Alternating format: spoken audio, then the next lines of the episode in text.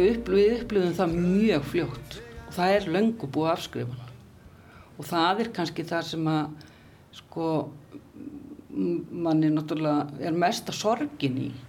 Það er ekki, auðvitað er maður í sorg yfir hans veikindum en mesta sorgin er í því að sko heilbreyðskerfið er búið að afskrifa og mann alltaf sko í svona aðstæðum að þá vonin það eina sem maður á það er markvist barið úr manni. Ég ger mér alveg grein fyrir að læknar þurfa að vera svolítið raunsægir en það eru takmörk fyrir öll og það er alveg sama hvað ég hef sko komið með alls konar hugmyndir af einhverju af því að við vitum það að það er allt mögulegt í gangi það verið að gera alls konar hluti en það er einhvern veginn alveg sama hvað maður hvað hugmyndir maður kemur það bara sleið út á borðinu og nei þetta virkar ekki fyrir hann. Nei, nei það, þú veist þetta virkar ekki. Það er ekki búið að sína þetta fram og þetta á námörgum sjúklingum að, að þetta virki og svona og ég segi stundum já nei af því þeir fá ekki að fara og prófa þetta. Og með vatnið þetta svona? Við hérna inn í anda? Við erum stödd á grönsástill landsbítalans og þarna heyrðum við aðalegði Bjarnadóttur eða Öllu eins og hún er oftast kölluð. Hún er móðir Einars Óla Sigurðarssonar sem hefur verið hér á dildinni um eitt og allt ár. Einar er með alvarlegan heilaskaða sem har hluti í kjölfar heila blæðingar. Hann sendur í aðgerð til Svíþjóðar til þess að hann komi í veg fyrir frekari blæðingar en aðgerðin gekk ekki eins og vonir stóðu til. Í aðgerðinni rofnaði gútl á stóri æð og hann varð fyrir miklum súröfnuskorti. Eftir þetta breytist til vera einasti frambúðar, en líf aðstandenda hans líka. Hér eða þau flestum sínum stundum, skipta með þessu vöktum til þess að einar sér sem minnst einn, þó að þau vita sér vel hugsað um hann af starfsfólki. Það er bara svo mikið af alls konar indislu fólki hérna bæði sem er í endurhæfingu og starfsfólki, maður alltaf þekkir alla orði. Þannig að maður svona reynir bara vera einn af sjúklíkur. hmm. Ég reyna að gera það allavega. Ég, hérna, því þegar maður er svona mikið, hérna, þá verður maður að, þú veist, maður er alveg steinhættur stund allt félagslíf og vini sína bara sérmagavalla eða fjölskyldu eða, og, og þetta er eiginlega orðið félagslífið hjá manni, það sem er á grænsars. Ekkert rétt við það en, en þannig er það bara og svo kemur maður heim og þá fer maður bara heim. Og þá maður loka maður sér svolítið þar inni og það er kannski það sem er versta sem gerir sko með aðstandundundar og þegar það er ekki verið alltaf að ræri einhvað í manni að maður lokar sér ofsalega mikið að. Og ég ringi ekki í fólk nefnum vant eitthvað, ég er alveg sko og nú bara segja það því að það er svo les og fólk verður svolítið feimið við að ringi mann því að í uppafið þá náttúrulega heldur maður fólki svolítið frá sér uh, að því maður bara ræður ekki við aðstæður. Og svo þegar lengra líður frá þá fyrir maður að hætta að kunna á aðstæður. Þá maður bara svolítið fastur í þessu að, að, að ég, ég get að ringja núna, ég get heilt í viðkomandi eða og líka maður er sko, maður er svo langþreyttur að þegar maður kemur heim þá bara vil maður bara gera ekki neitt bara já, bara kvíla sig og en svo það náttúrulega bara það maður að vinna sig út úr þeim aðstæðum og, og, og ég er bara að gera það svolítið bara upp á mínar eiginspítur og bara maður reynir að vinna sig út úr þessu en það er bara hellingsvinna líka og maður má ekki hlema því.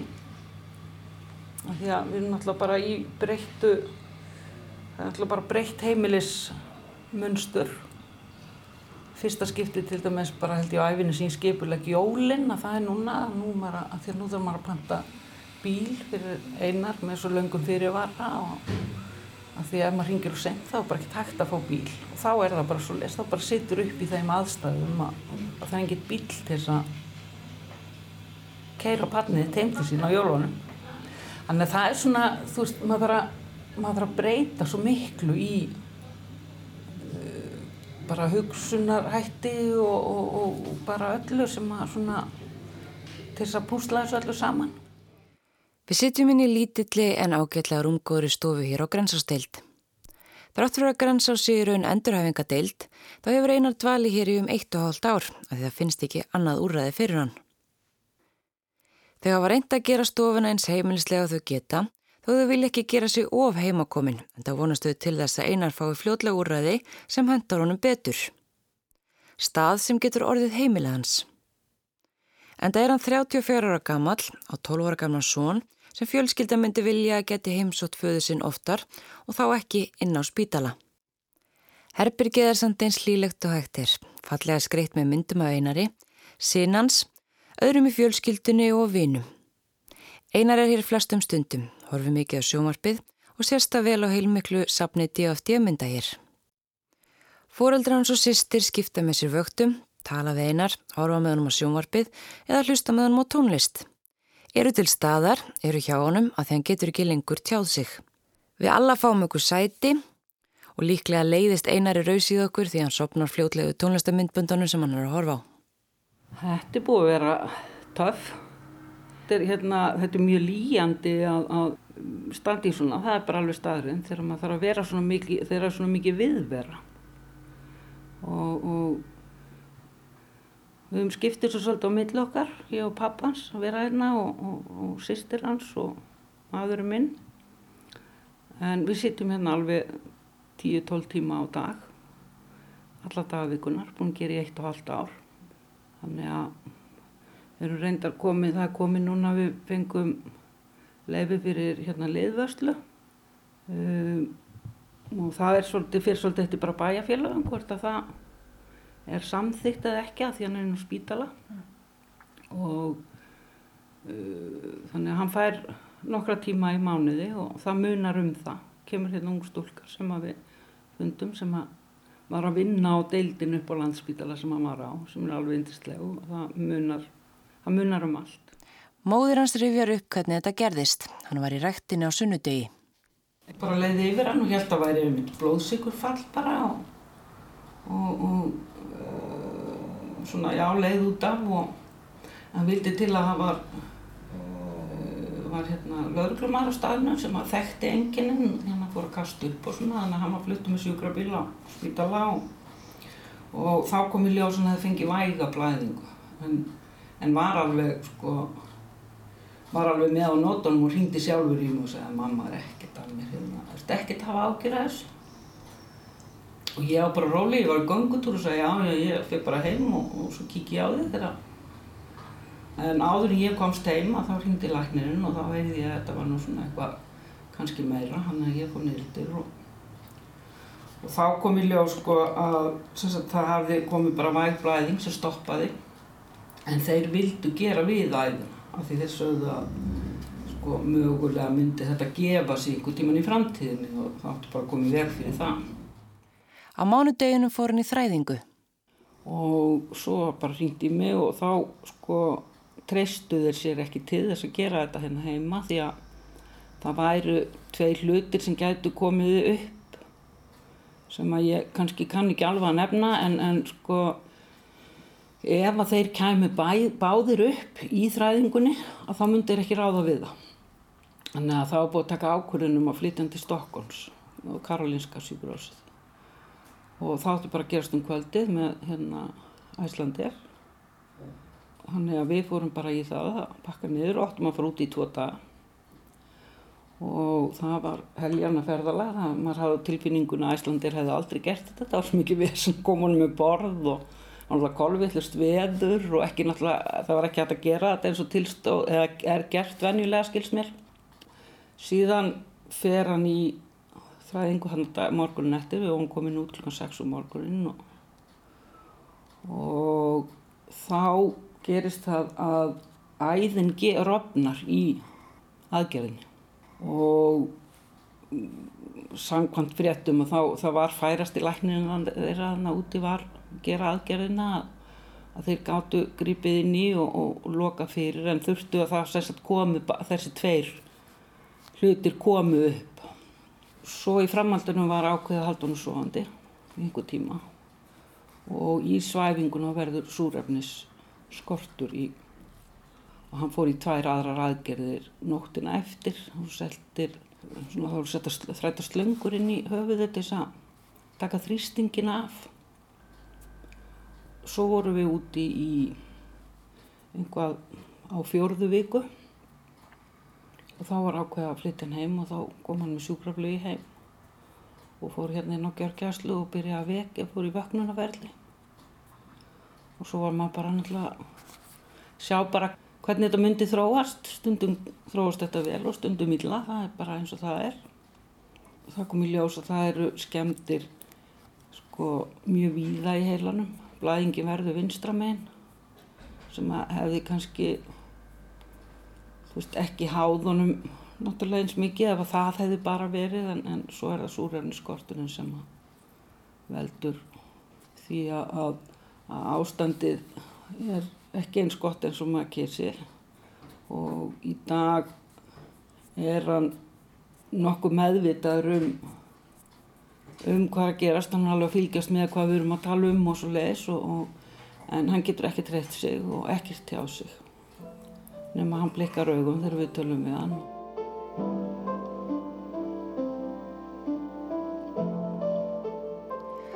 Alla segir að auðvitað leiðun stundum hugan að því hvort þetta hefði farið öðrisi ef hann hefði ekki farið í aðgerðina.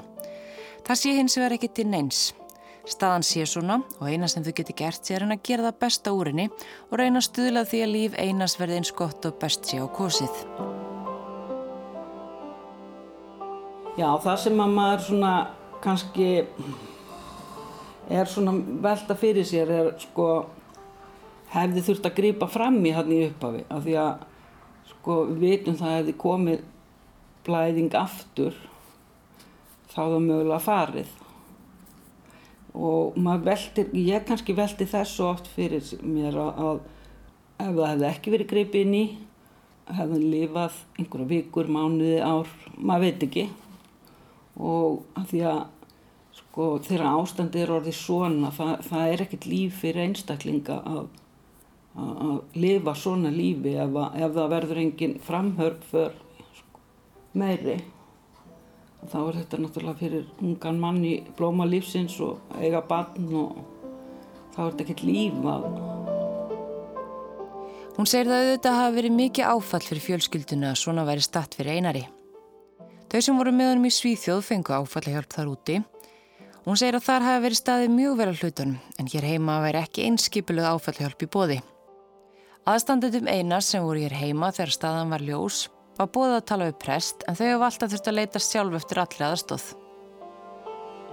Það er ekkert sem grýpur fólk svo í framhaldinu, eins og ég segi, það er sko læknarinn alltaf þeim er gefið það að, að þú veist þeir eru bara að bjarga fólki og fólki er vissulega bjargað í flestum tilfellum en, en svo stundum gengur ekki betur heldur en þetta og þá er ekkert í kerfinu sem grýpur inn í. Maður veldir svolítið fyrir sér hva, um hvað snýst það.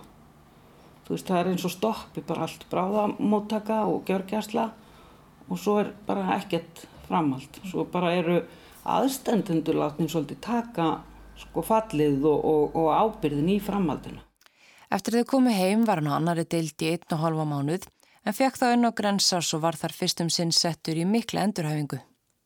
Ég veit hvernig maður segja það, þannig að gerða mjög miklar kröfur á, á landsbytalan. E, okkur er að fjölga og það er sko fleiri miljónur ferðamönnum sem að koma inn í landi líka sem er ekki verið að gert ráð fyrir þannig að sko álæðið er svo mikið að það veit ekki hvað að gera við fólkið sjúklingana og við erum búin að kynnast alveg óhemmi mikið af frábæru starfsfólki og, og, og fagfólki en það er bara svolítið orðið sko úrræða löst, það, það er ekkert það veit ekki hvað það á að gera og það er eiginlega bara búið að ganga yfir það. Og, og mér finnst alveg óhemju sko metnaða leysi innan spítalans. Maður kemur hérna inn á grensás og mjög fljótlega ef það verður ekki framför bara fyrstu dagana að þá er farið að huga að því að útskrifa fólk og þetta er svona, þetta er orðið svolítið færiband að vinna og, og, og eðlilega því að það eru miklu færi rúm hérna heldur en þyrrt að vera fyrir alla þessar sjúklingar sem að þú veist, er að slasast og, og, verða fyrir áföllum og alltaf yngra og yngra fólk. Þannig að ég get alveg séð þeirra hlið en á sama tíma sem aðstandandi með barni mitt hérna að þá er rosalega margt sem maður ósáttur við í að sko, þú veist, alltaf að gefa henni þrjá mánuði í þjálfun og það gerist ekki. Þegar við vitum það að það er sko, það getur tekið 2-3 ár að koma tilbaka og bara sko eftir svona mikla og djúpa svæfingu að þá tekur, tekur alveg að lágmarki 2 ár fyrir sjúklingin að koma tilbaka bara á svæfingunni sko. Ná fullri meðvitund ef hann nær fullri meðvitund. Þannig að síðan byrjar þessi umræða sko, ekki það, við vorum bara búin að vera hérna í halva mánu þegar ég beðin um að skrifundir það að, að þegar hann fari hérðan og, og ekkert breytist á faran bendin og hjúgrunæmili og þá er það bara, og ég sé, hæ? Já, það því að þú, sko, það getur tekið heilt ár eða eitt og halvt ár að býða til að komast inn á hjúgrunæmili og við erum bara, þú veist, við verðum bara að hafa einhvað sem tekur við og maður er náttúrulega bara úrvinda og í mikillir sorg og, og, og öllu sem því fylgir og mann ætla bara að skrifa undir og, og svo er byrjað bara um áramóta þá er færan fyrstu tilvísun og þá verður maður svolítið sjokkeraður. Og það kom í ljós að þá er sko, var meðalaldurinn á deildinni 83 ár. Og maður svona bara í alvöru? Er hérna og, og það er svona það sem að maður er svolítið argur yfir að sko hann einan minn er þarna. Vi, við getum átt í samskiptum við hann og svona. Aðstandutum einas finnst nefnilega enn glitta í hann. Hann sínur viðbröð, hann grætur og hann hlær og stundum að sumu hlutum og hann hlóað áður. Áður en hann fekk heila blæðingu þá var hann bara eins og aðrir ungi menn. Hann vann sem forritari og var farsæl sem slíkur var duglegur í rektinni og átti marga vini Hann har 12 ára gamlan són, lífans og undi og feðgarnir brölluðu margt saman. Uh, hann var mikið í músík hann var mikið áhuga á músík og við erum búin að vera að finna lög og ímislegt eftir hann svona hingað og þangað í talvonum. Uh, mjög listrætt, alveg frá því að hann var lítið barn og þegar kennararnir voru að kvarta yfir því að, hann verið að teikni starfræði bækurnar, hann bara að teikna tíu ára gammal bara eins og uh, fullaru listamæður ég nú stundum rætta hann klárlega einhver staðar og einhverju róinu það ég sé ekki spurning því að hann er mjög einrætn og, og, og, og verið mikið einn í gennum tíðina loka sér mikið af og það náttúrulega hefur kannski hjálpað hann mjög tölvunum að hann var mjög ungur þegar hann byrjaði að fyrta sig áfram í forritunni var ekkert mikið í leikjum og svo les mjög humorískur og svona einstaklega svona góð sál. Ég get eiginlega ekki líst í öðru sem bara ég hef alltaf upplifað hann sem eitthvað svona ég var mjög andleg svona aðra sko einhverja sál og, og kent mér alveg óheirilega mikið alveg frá fæðingu og, og, og er ennað. Hann á óhemji mikið af vinum og það bara síndi sig þegar hann veiktist að það fór bara allt á staða að gera alls konar fyrir hann. Ég neita því ekki, ég myndi vilja sjá meira heimsóknum hjá hann ég ætla nú bara, ætla nú bara að segja það sko. Af því að sko og maður veit ekki ég get alveg skilið að það er erfitt að heimsækja hann svona en það verður auðveldur eftir því sem maður kemur oftar og, og, og það er óslulega einmannalegt bara með allt sem ég er búin að lýsa að sjá ekki einu svoni uh, hérna, ættingja eða vini. Þú veist við bara ég veit ekki, við lifum bara orðið svolítið í svolítið stjóðfélagi að maður er alltaf, alltaf, alltaf að gera allt á morgun og morgun og, og ég held að sé svolítið svolítið uh, við hefum reynd að fara með hann á tónleika og búið með hann á Billy Idol í sömar og svo fórum við á Magnús Þór og við erum að fara á tónleikarnas Páls Óskar og næstu helgi og svona eins að reyna að því þetta er sko hans líf og indi hann var alltaf með músík í eirunum Spotify er náttúrulega algjör snild því að hann var mjög skipulaður. Hann var bara rosalega skipulaður og með alla listana sína þar þannig að það er sko að rækta músíkin og vinna músíkin og, og, og slökunin og svo veist, þannig að maður fer bara inn og, og veit alveg nákvæmlega hvað maður að spila við hann.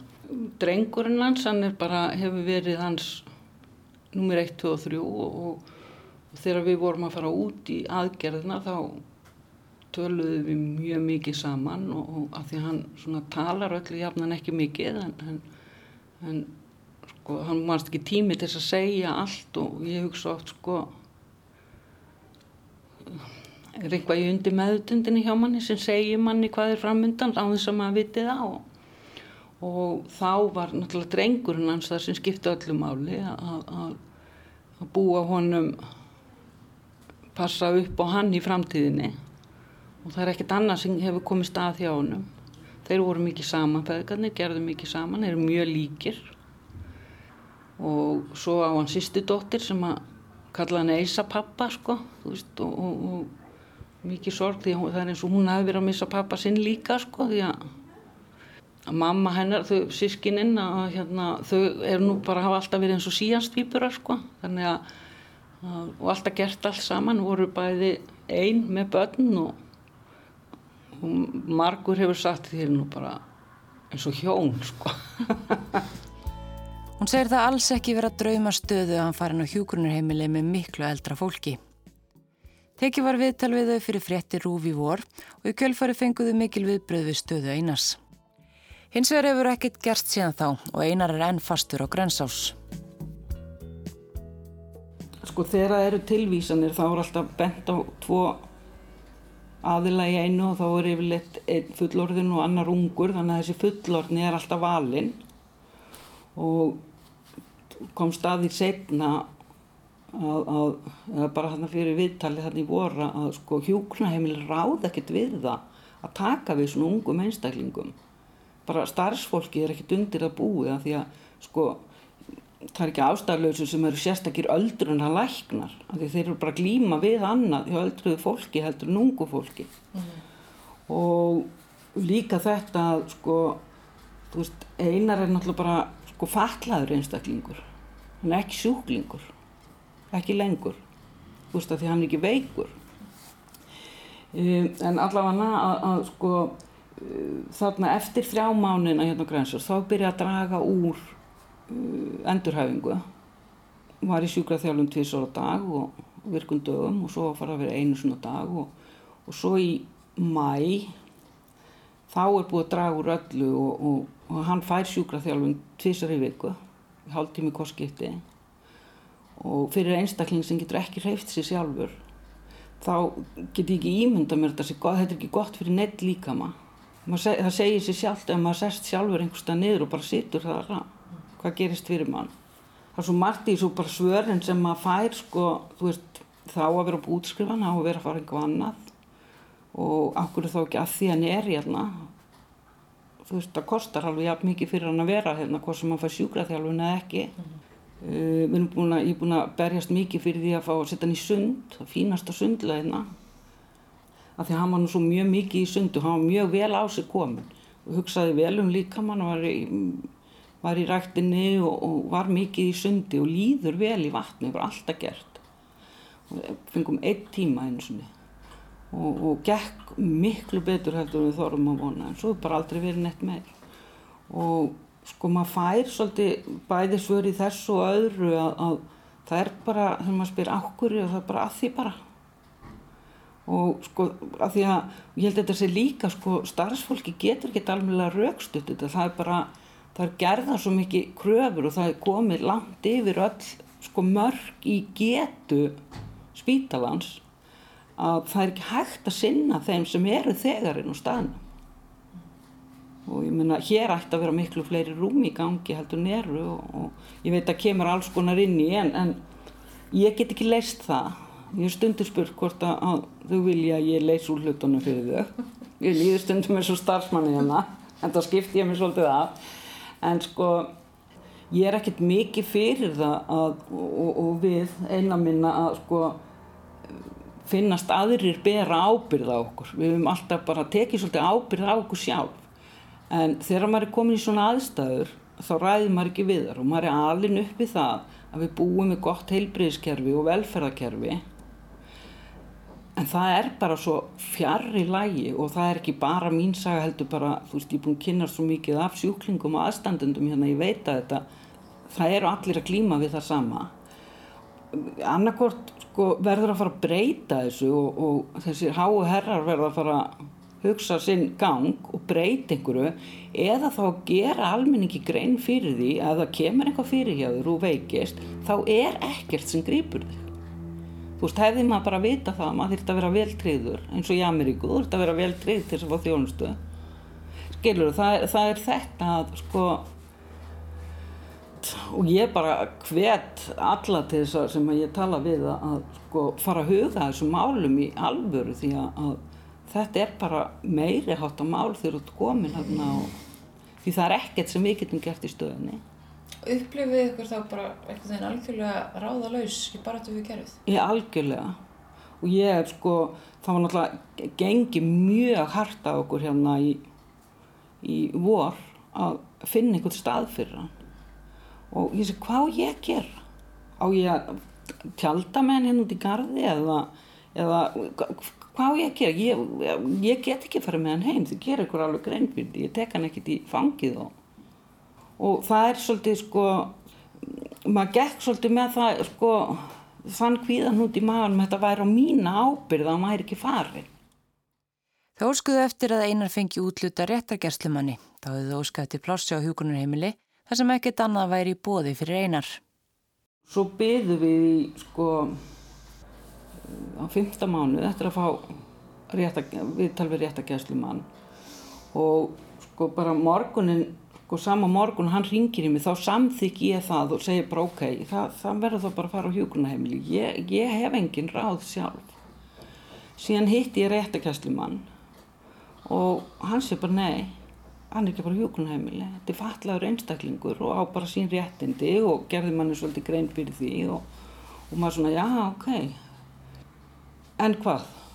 Já ég veit það ekki þannig að sko ég saði nei og held að kæmi eitthvað þá annað inn í staðin sem það gerði aldrei.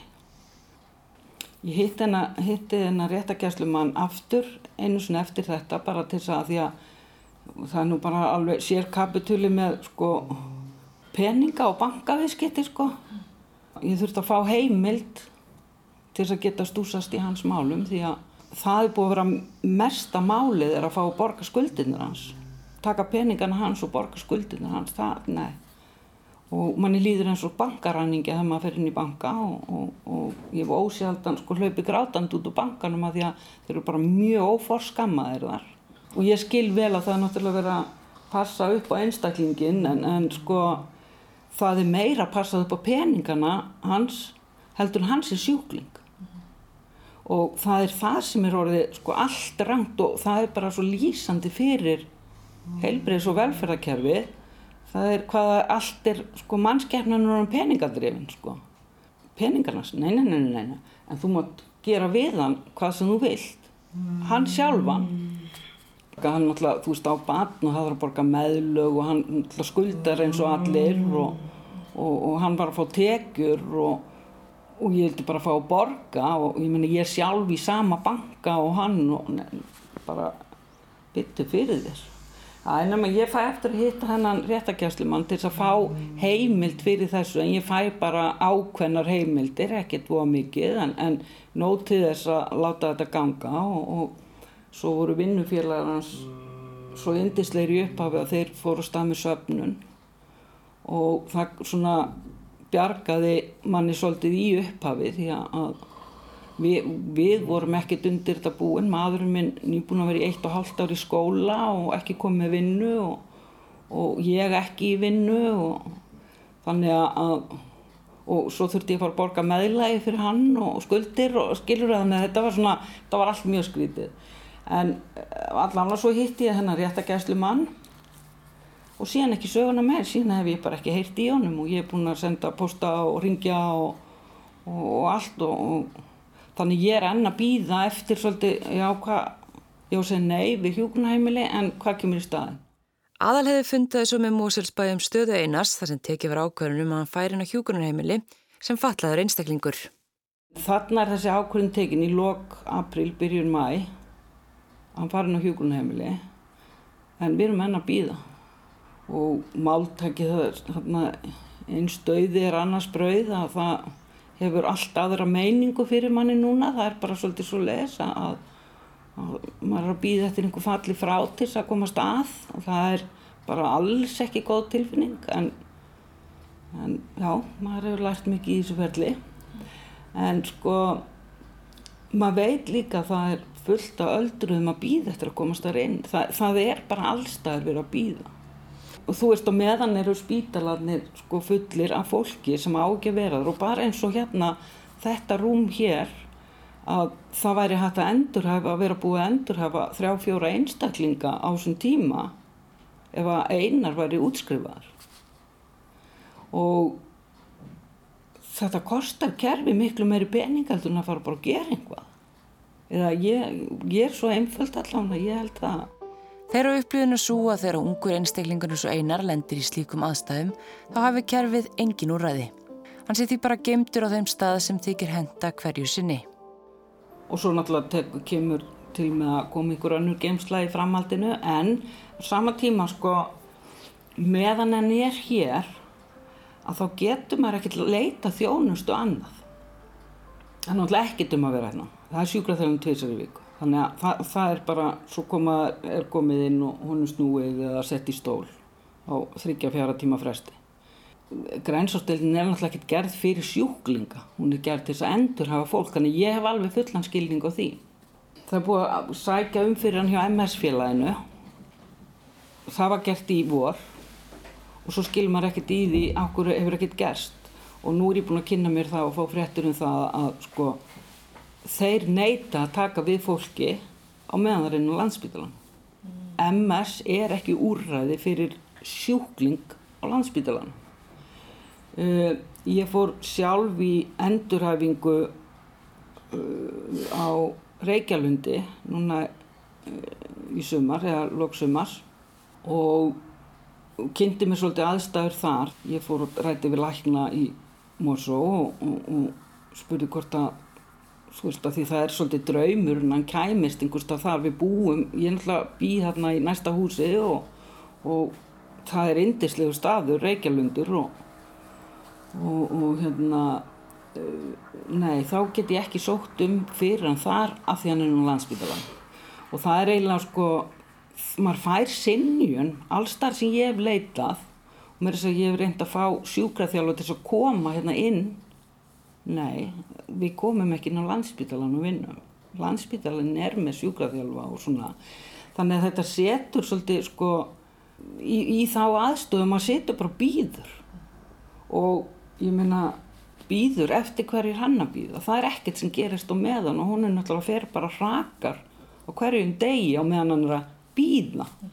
Þarna er einhvað, einhvað klikk í kerfinu að sko ég geti náttúrulega farið með það mögulega eitthvað út í bæ en þá, og í sjúkraþjálfinu og eitthvað sluðis, en þá náttúrulega maður að borga það alveg fullum fetum því að þá takir sjúkratryggingar ekki þátt í því en eitt svo leiðis um, af því að það er alltaf satt nei, hann er á landsbítalanum hann fá þess að þjónustu þar. Og svo er maður inn á landsbítalanum og það satt nei, það við verðum að forgangsraða hér, við bara getum ekki syndunum og sko hér náttúrulega fáum við þau svör að við erum að forgangsraða við erum með of marga sjúklinga, of lítið að starfsfólki. Það er ofslega erfitt fyrir einstaklingin að setja í þessum aðstæðum að því að sko, við, við, ég er ekki að tala um ekki sem er bíla minn á bílavegstaði sko. Það ger ekki til þó hann standi fyrir utan húsi í smá tíma. Við erum að tala um einstakling sem að vantar þjónustu. Það, það er svolítið sko, ég hef búin að fá hjól hérna lánanir í sjúkraþjálfun sem ég komi hérna upp á gang, þannig að ég við setjum hann sjálf á hjólið ég reyna að gera það, ég er nú svona ekki fengið hinn alveg til að taka þátt í þér og svolítið hrættir við það en, en bara til að reyfa aðeins fæturnar og svona því að það náttúrulega stoppar öll blóðrás og allt ef það er engin reyfing þannig að við erum sko ég með barni mitt inn á grensástild landsbítalans og er að endur hæfa hann sjálf hvað er það? hvað segir það um kerfið okkar? Já, maður fór bara í það að verða starfsmöður landsbíðalans, það er bara akkurat svo leiðis og þannig stundum grínast með það hérna að, að hérna, ég sé komin á launaskrá hérna. E, maður er náttúrulega alltaf að skipilegja vaktir, hver ætlar að koma og hver ætlar að vera og, og, og fyrstu mánuðina þá var ég hérna á hverjum einasta degi og að því þetta er líka svolítið sko það búið að segja við ykkur þið verði nú að hugsa um ykkur og fara að gera svona og hins einn en sko þegar maður treystir ekki aðstæðunum treystir ekki kerfinu fyrir einstaklingnum hann getur ekki kvartað hann getur ekki slegið frá sér hann, þú veist ekkert þá er maður ekkert að fara að taka sér frí. Verandi mamma þá eru við náttúrulega bara ofvendandi í öllum flestum tilfellum og, og, og ég var það vissulega og er enn. En sko maður er pínlítið lært að veist setja aðra inn í aðstæður og, og reynda stíg út úr stjórnunastörfunum ég skilst ég sé svolítið stjórnsöm. Pappan sem búin að vera við skildum nú fyrir 30 árum síðan en, en hann er búin að vera mjög duglegur að vera hérna hjá hann líka. Og við hefum skipt þessu svolítið á millokkar og verið hérna til skiptis. Hann uh, reyndi að vinna með þessu í, í, fyrra og, og eiginlega gafst upp á því og fór svo aðeins bara ellendis að vinna í sumar og þá var ég hérna alveg út í eitt. Og þá voru náttúrulega starfsfólki hér á Grænsás líki fríi þannig að mér leiði svolítið eins og ég væri bara komin í aflýsingastörf hér. Því það náttúrulega vantaði fólk og þannig að það er engin að vinna með þessum aðstæðum og það vil til að ég er alveg svakalega vel gift. Annars sko því þetta er svo mikið álaga að vera aldrei heima hjá sér.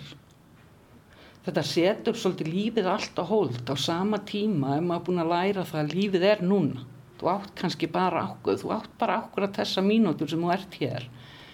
En þú hefur samt ekki stjórn á þessum mínútum sko að því að þú, maður er svo upptekinn við að sem starfsmæður ríkisins, faktist maður er það, mm. að því að þegar maður er fann að vera hérna, að því maður verður að vera, að því maður treystir því ekki að það sé einhverja vinna, vinnuna og nú er ég ekki að meina það að starfsfólki, sko það er allir, indi, þetta er prinsinn á bænum hérna sko, hann er alltaf búin að vera svo lengi og það er sko það eru opbúslega góðar við hann og dýrkan alveg hérna þannig að ég ætla ekki að drá því en það eru fleiri einstaklingar hérna og það er bara eins og það er að það þarf að sinna öllum.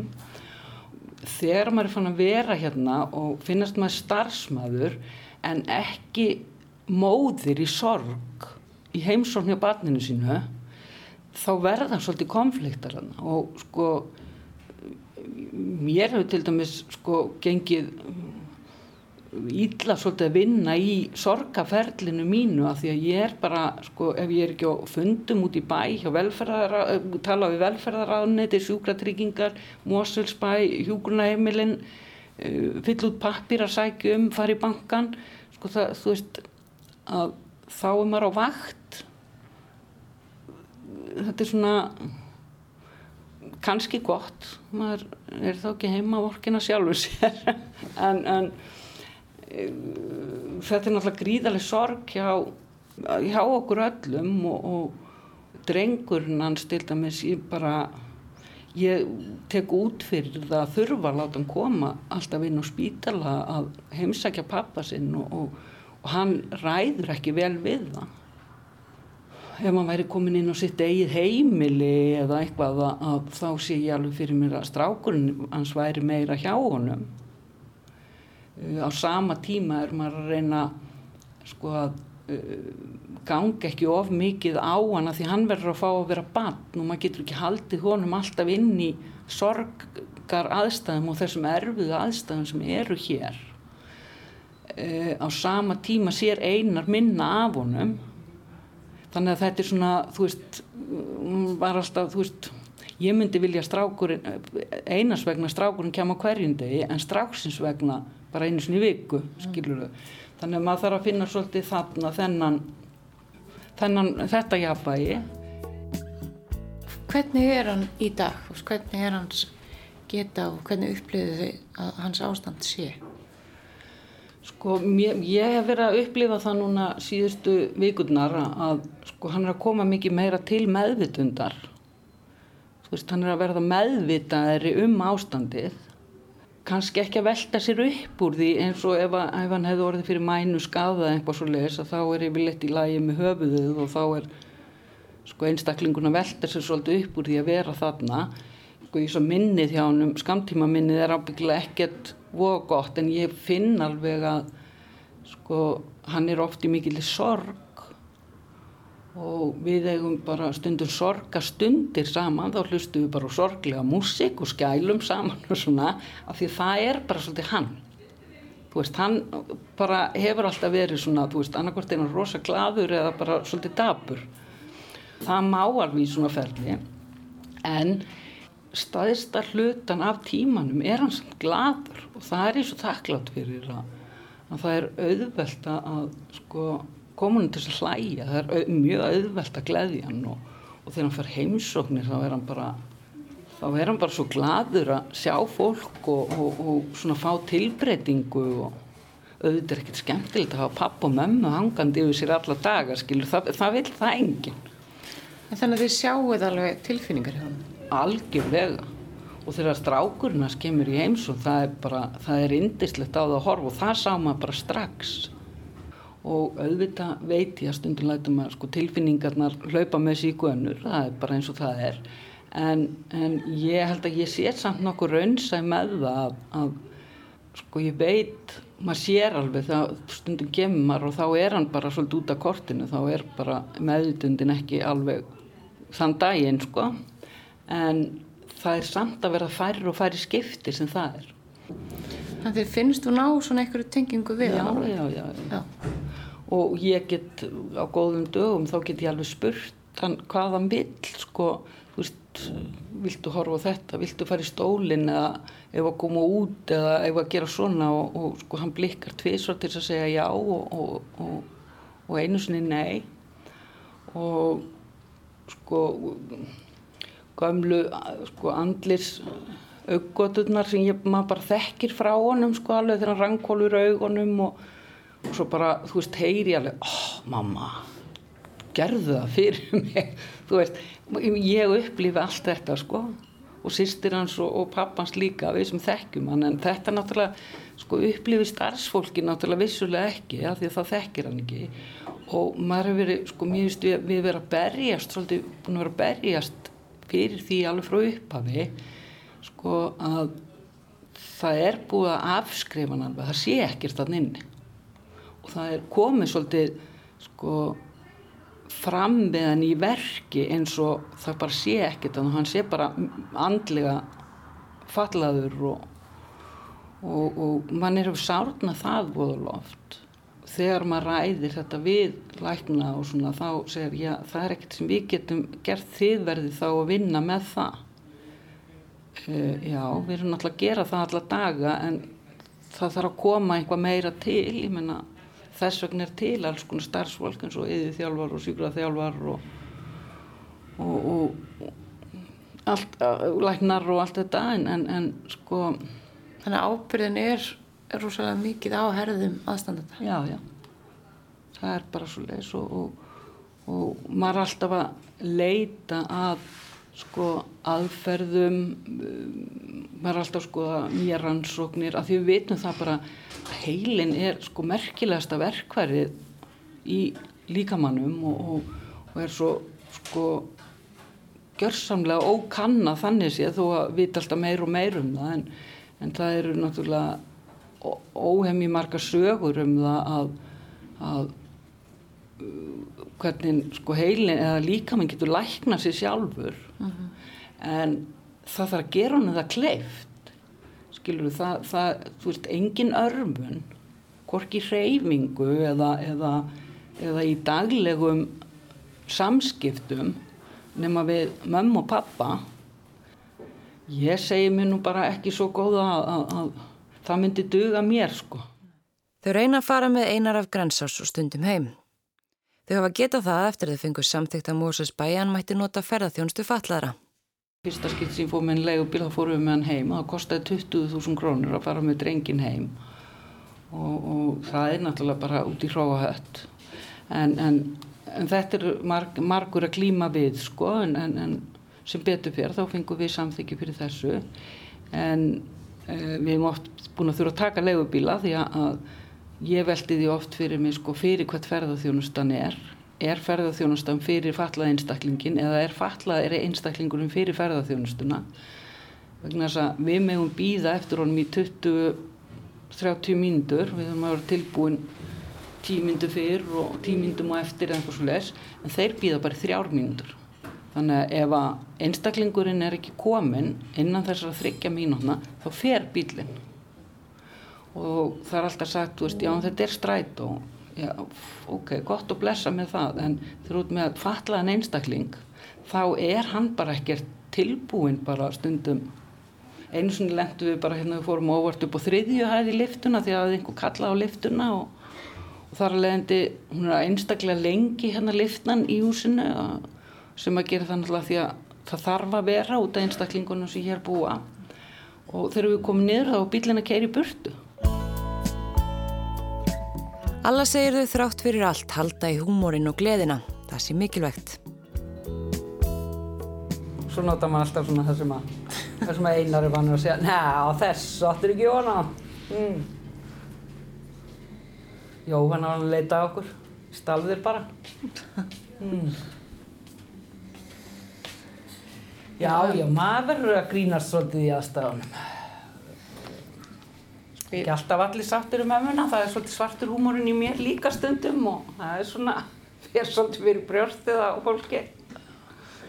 En að því maður verður líka svolítið að passa sig að breyti ekki öllu, sko, þú veist. Einar er bara einar og þó maður fyrir kannski að breyta því hvernig maður fyrir á milli staða að þá er maður ekki að fara að breyta því að, að, að hann er sonu minn og hann er pappi og, og hann er bara einar minn og og verður það. Já. Og í því kemur Jóhanna sem hefur verið liðveislarnas einas undafarið.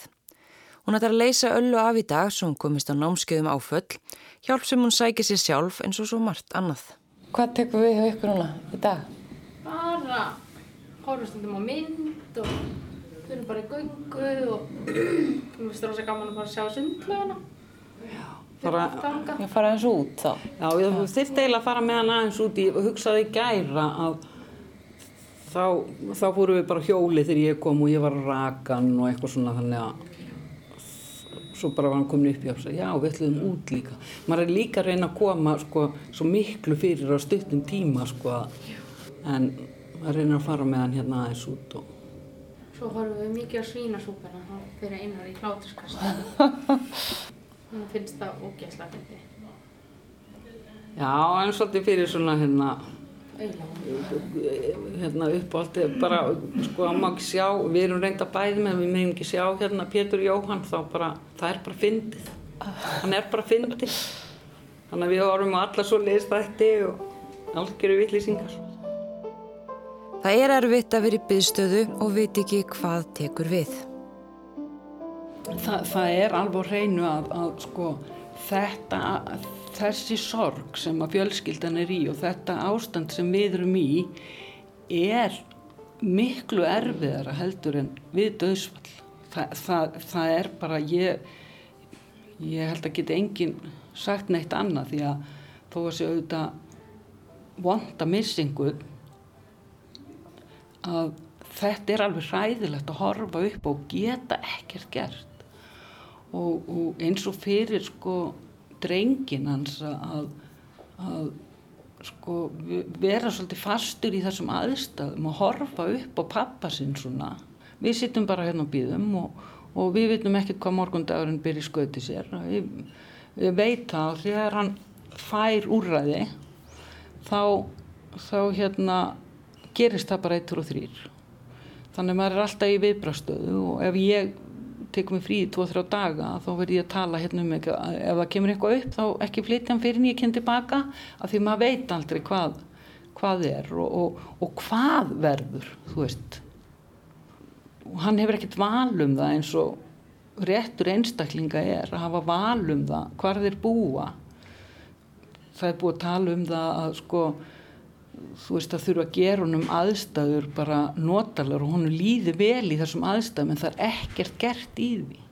Þú veist, hann fyrir ekki í reyfingu, hann fyrir ekki í sund þú veist, það, það og ég meina allt í lægi í, í tvær, þrjár vikur en, en sko sex mánuðir hérna síðan að þessi ákvörðum að tekin í sex mánuðir eru bara búin að sitja og býða eftir einhver sem ekki hugmyndum hvað er. Þetta er ekkert hvað er framöndan í honum Hvað myndi þið vilja?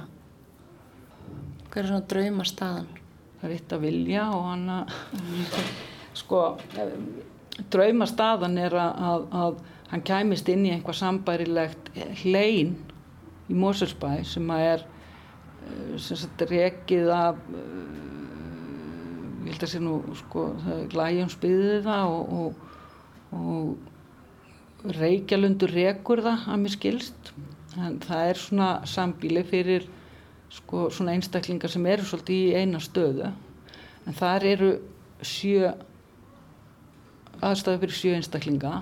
Og þegar einstaklingar sko flytja þangað þá náttúrulega er, er það heimilið þeirra. Og ég meina við sjáum fram á að einar getur verið í þessum aðstæðum í 20, 30, 40 ár og þá finnst mér ekkert spennandi að segja nú hjúgrunarheimili því að við vitum það og það er bara alveg sama hvað hver segir.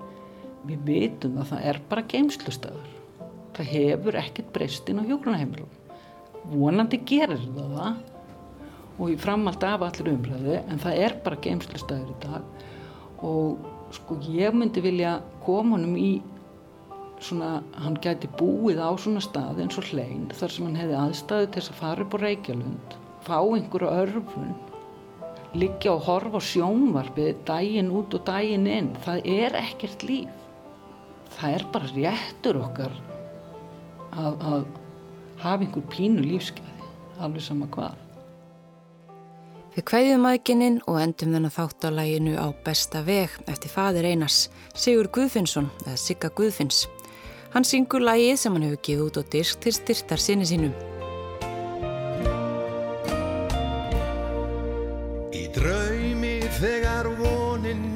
Vangi hefur að veröldinni sé ég opnast yfir Þá finn ég að þín sál mér gleði gefur. Ég gæist inn og hljóðlega ég spyr Hvað gerist þegar máttur margra daga Á milli okkar byggir sína brú. Hvað gerist þegar hefst hinn sanna saga? Sem sýnir mér að hérna byrtist þú. Á meðan enn í glaðlegt ljósitt grillir þá get ég séð að vonin lifir þar. Og þegar draumsins veröld viskan fyllir í vitund minni hljómar